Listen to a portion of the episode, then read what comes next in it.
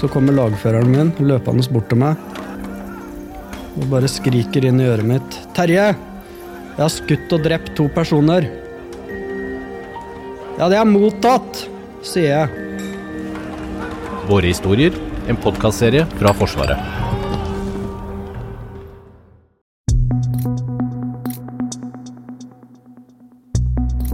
Oppe i nord hører man stadig oftere folk som snakker dette språket. Jeg tycker det skal bli skönt på noe sett. Jeg tror at vi i Försvarsmakten vi har redan ställt in oss på at det skal bli så. Og vi, vi er innstilte på å være partners. Og fra og med i dag skal vi høre det enda mer. Og i nord er den svenske soldaten innstilt på å fronte våre og Natos verdier.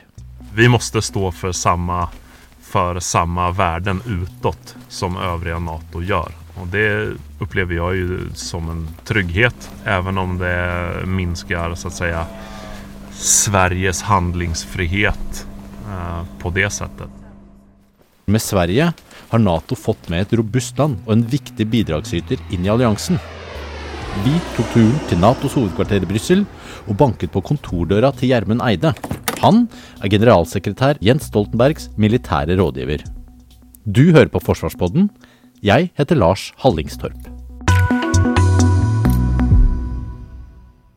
Inne i det høye bygget av glass og stål finner jeg møterommet noen etasjer opp. Det er like ved Jens Stoltenbergs kontor, der ledere fra hele verden har vært innom i tur og orden. Her sitter Gjermund Eide, i Hærens grønne uniform. Nå er Sverige endelig medlem av Nato-alliansen. Det satt litt langt inne, men eh, for deg, hvor kjennes det? Jeg syns det kjennes veldig bra. Hva slags eh, ressurser er det nå Sverige da gir Nato? Altså, for det første så, liksom, Nato er en politisk og en militær organisasjon. Og politisk sett så får vi to robuste, velfungerende demokratier inn i alliansen. Um, og det er jo ingen meningsforskjeller på, i det store overordnede mellom Finland Sverige og eh, de allierte. Og så får vi også to veldig sterke, militært sett, uh, nye, uh, allierte.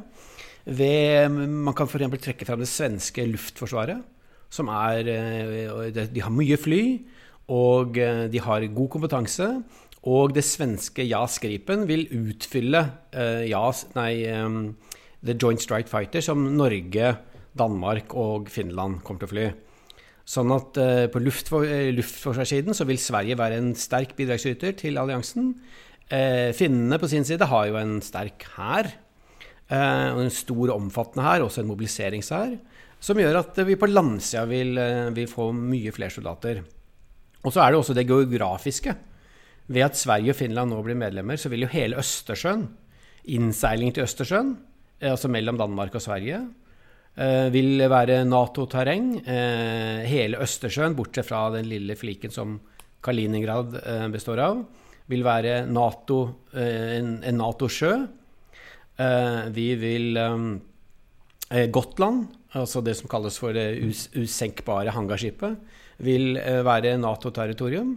Og alt dette kan jo brukes til forsterkning i alliansens østre flanke, altså inn mot Baltikum og, og Finland. Så, så, at Sverige og Finland blir medlemmer, vil styrke oss politisk, men vil styrke oss militært. Så Østersjøen den, eh, den, det blir tryggere å seile i Østersjøen, sånn at det er raskere å forsterke Baltikum? Er det derfor det er bra med Nato i Østersjøen, eller kan du forklare det litt nærmere? Ja, altså, Det vil jo da være Nato-allierte og Natos farvann, eh, det meste av Østersjøen.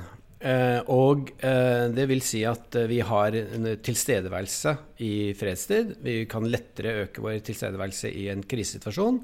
Og skulle vi komme så langt at det blir en krig, så vil Østersjøen være veldig sentral i både forsvaret av de baltiske land og av Finland. Og ved at Nato da allerede er der, og at terrenget rundt Østersjøen er Nato-allierte, vil være en styrke. Vi vil, lettere få, fram styrker, vi vil lettere kunne evakuere. Og, og uh, forsvaret av de tre baltiske land vil bli mye bedre. Mye lettere å gjennomføre. Man kan eksempelvis bruke både finsk og svensk territorium for å fly jagerfly inn og over de baltiske statene. Før ble det jo sagt at uh, Norge var Nato i nord. Uh, det er vi jo ikke lenger. Finnes det noen strategi for hvordan forsvare Norden? Ja, altså for det første, hvis du, hvis du har vært i Brussel en periode som jeg er, så er en, et uttrykk om at Norge er Nato i nord, er ganske snevert. Fordi at uh, alliansen består av mange land som har grense mot nord, uh, og særlig Canada. Og hvis du reiser til uh, hovedstaden i Canada og sier at Norge er Nato i nord, så vil de se veldig rart på deg, for de opplever at de har ansvar for en veldig stor del av NATOs nord, no, altså NATO mot nord. Så, så, det er litt misvisende å si at Norge er Nato i nord. Eh, det er eh, norsk territorium, kanadisk territorium og dansk territorium i nord. Men det er også litt misvisende med at også Nato har styrker, og Natos allierte har styrker som patruljerer og øver i nordområdene.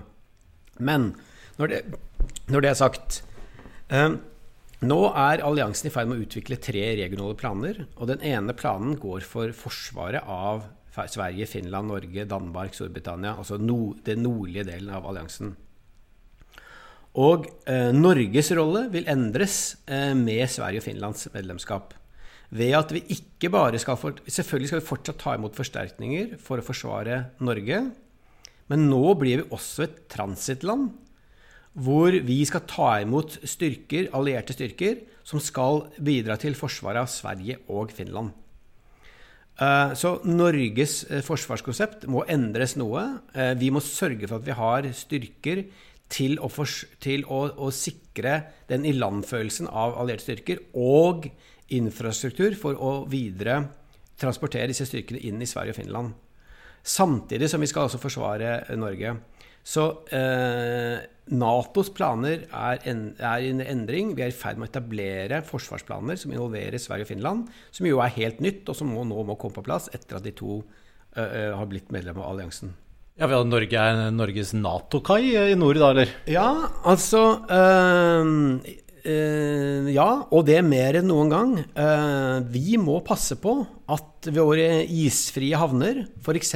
i Narvik, er tilgjengelige og har kapasitet for å føre i land forsterkningsstyrker fra andre allierte. Og at eh, denne porten da, inn i nordområdene går via Norge, det blir et, et ekstra ansvar som Norge må ta eh, hensyn til. Gjør et svensk medlemskap at det er skumlere å være norsk i dag, eller skumlere å bo i Norden? Nei, tvert imot, vil jeg si. Altså, jeg er veldig glad for at vi nå har svenskene som del av Nato-alliansen. De styrkene, eh, de soldatene og de fartøy og fly som eh, svenskene har, er bra å ha på vår side.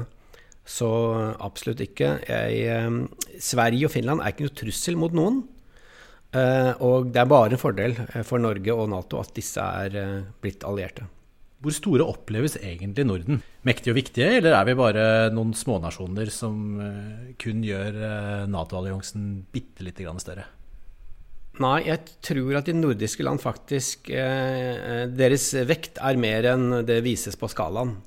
For det første så tror jeg de nordiske land nå vil jo gruppere seg sammen og vil sikkert diskutere saker i forkant for å ha en felles idé eller felles forslag til hvordan Nato bør eh, håndtere ulike konflikter. Slik at de nordiske land blir jo en maktfaktor eller en klubb internt i alliansen. Det er vel den amerikanske presidenten som ofte sier at de punch above their weight. Men det er på en måte rett her også. Det er gode allierte med gode standpunkter som mange vil sette pris på å få inn, ikke bare de nordiske. Hvordan vil denne utvidelsen endre sikkerhetssituasjonen for Nato da? Eh, er det en liten irritasjon for Putin, eller er håpet om å få han på defensiven? Uh, når, uh, når Finland søkte om medlemskap i Nato, så ringte den finske presidenten til Putin og sa at dette er det du som er ansvarlig for. Det er du som har, ved din uh, måte å operere på, og da angripe Ukraina, dyttet Finland inn i Nato. Og det veiskillet som svenskene og finnene kom med eh, altså i, eh, ved å melde seg inn i, i Nato, eh, er nok ikke noe Putin hadde forutsatt. Og jeg tror ikke han syns det er veldig betryggende heller at den grensen Russland har til Nato, er nå mer eller mindre doblet. Eh, russerne har jo sagt at de kommer til å svare på dette, de kommer til å gjøre noe. Og Norge, Sverige og Finland og alliansen må passe, følge godt med på hva russerne nå gjør på denne grensen mot, særlig mot Finland, men også mot Norge. Uh, forsyningslinjene, russiske forsyningslinjer til Kolahalvøya, som er veldig viktig for det russiske forsvaret, går jo langs den finske grensen. Så vi kommer til å følge nøye med på hva som skjer her, og kommer selvfølgelig også til å reagere hvis, hvis vi føler at det er, det er behov for. Du sa at uh, Russland har sagt de vil reagere. Hva, hva vet dere om hva, hvordan de vil reagere? Vi vet vel mindre om det, og jeg tror vi skal være så realistiske og si at akkurat nå så er Russlands hovedfokus i Ukraina. Og de bruker veldig mye styrker, særlig fra hæren, på den krigen i Ukraina. Så i dag er det ikke noen direkte trussel mot noe Nato-land, men vi må være forberedt på at eh, russerne kan bygge opp en, en større hær, og kan igjen omgruppere, slik at de kan være en direkte trussel. Og den, det skal vi forberede oss, oss på. Men husk Det viktigste vi gjør med militærmakt, er jo å avskrekke. Det, ikke, det beste med en militærmakt er jo hvis den ikke blir brukt. Slik at ved å bygge opp styrker, ved å ha troverdige planer, ved å ha troverdige forsterkningsplaner, øve og vise denne kapasiteten, så er det en avskrekkende effekt som vi også håper at Putin og Russland får med seg. Svenske forsvarsministeren sa at svenskene må forberede seg på krig.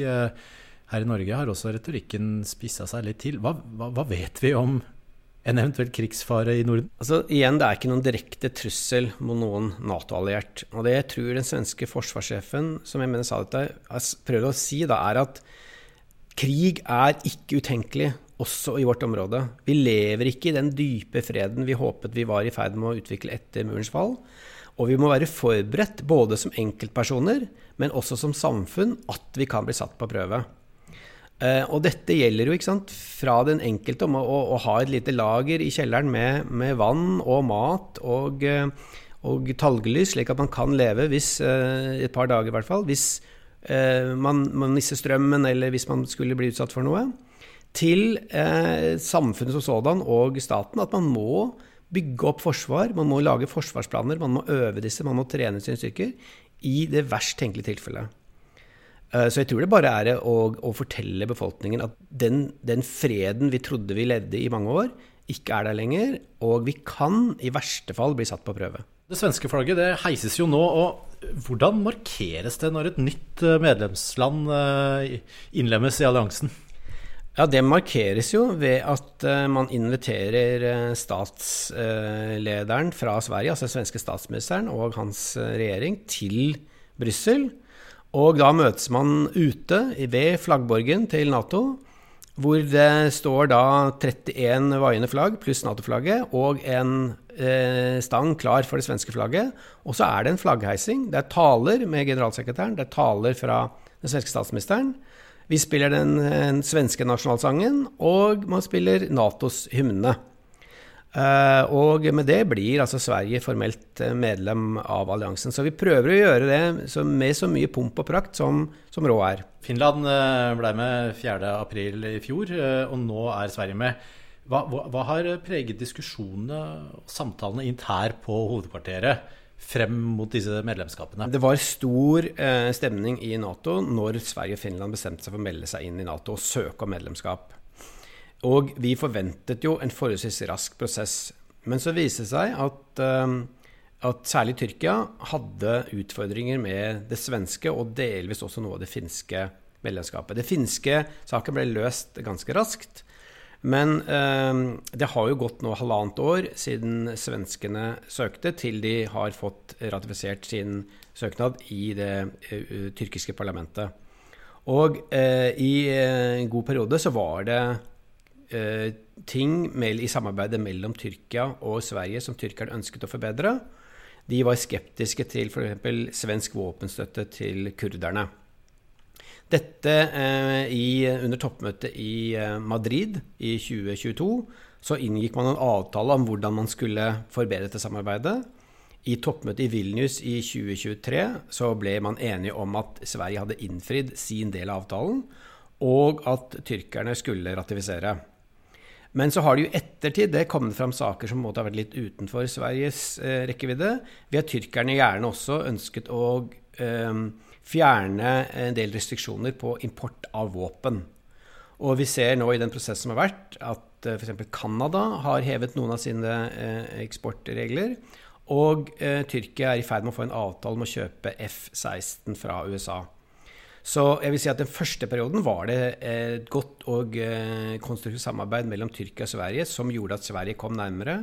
Men i det siste halve året så har det nok vært saker utenfor Sveriges rekkevidde som har gjort at prosessen har gått litt sakte. Er det da diskusjoner som foregår her på hovedkvarteret, eller er det diskusjoner som foregår uh, på politisk plan uh, utafor? Det er diskusjoner på hovedkvarteret, men det er klart også det er samtaler mellom Tyrkia og Sverige, men som også generalsekretæren har vært involvert i. Det var jo han som ledet forhandlingene både under toppmøtet i Madrid og i Vilnius for å få Tyrkia til å være med på ett steg videre. Eh, så det er uh, både og, vil jeg si. Både i hovedkvarteret, men også da bilateralt mellom ulike medlemsland. Hvordan uh, blir et svensk medlemskap tatt imot av de andre nasjonene her? Jeg tror dette ses på som utelukkende positivt. vi skal huske at f.eks. ratifikasjonsprosessen med både Finlands og Sveriges medlemskap etter det søknad om å bli medlem i Nato, gikk veldig fort for for de aller fleste landene. Uh, I Norge og Danmark og sånn, så ratifiserte jo bare på et par dager. Så det blir sett på som veldig positivt at disse to landene kommer inn. Og jeg tror det er verdt å se litt tilbake på historien her, for det er jo ikke sånn at det er to helt ukjente land som nå blir medlem av alliansen. Altså selv så tjenestegjorde jeg i Afghanistan i 2010. Og i den leiren jeg var, eh, spiste jeg frokost, lunsj og middag både med svenske og finske soldater. Eh, Sverige og Finland har vært med i Natos operasjoner på Balkan og i Afghanistan over mange år. Og de har jo gradvis gått fra å være nøytrale og alliansefrie til å bli mer og mer involvert i Nato og også EU. De ble medlemmer av EU på midten av 90-tallet og blitt sydd inn i, i, det vestlige sikkerhetsarbeidet. Så det er jo ikke sånn at det er helt nytt og helt to nye medlemmer i Italien. Det er robuste, gode allierte som vi nå får, har, har, fått. Dette med jagerfly. Sverige har uh, JAS Gripen, og Finland og Norge og Danmark har F-35. Uh, går, går, disse flyene overens, og så kan de samarbeide på noe vis? Av hva jeg forstår, da, så vil de på en måte utfylle hverandre. Altså, uh, Joint Strike Fighter har sine kapasiteter. JAS Gripen har sine. Og dette blir til sammen slik at liksom én pluss én blir mer enn to. For eksempel da, så er jo Joint Strike Fighter, det norske jagerflyet, har jo veldig gode sensorer. Men nå kan måldata og, eh, og, eh, andre data fra Joint Strike Fighter overføres til det svenske flyet, slik at det lettere kan finne sine mål eh, og lettere kan gjøre sine oppgaver. Så det blir på en måte en synergieffekt da, mellom de to jagerflytypene. Det er jo det ene. Det andre er jo at øvelser og samøving, samtrening og forsvarsplaner, både Norge, Sverige og Finland, vil jo nå være én sak. Nato er i ferd med å etablere sine regionale planer. Og vi kommer nå til å øve sammen uh, og trene sammen på forsvaret av både Finland, Sverige og Norge.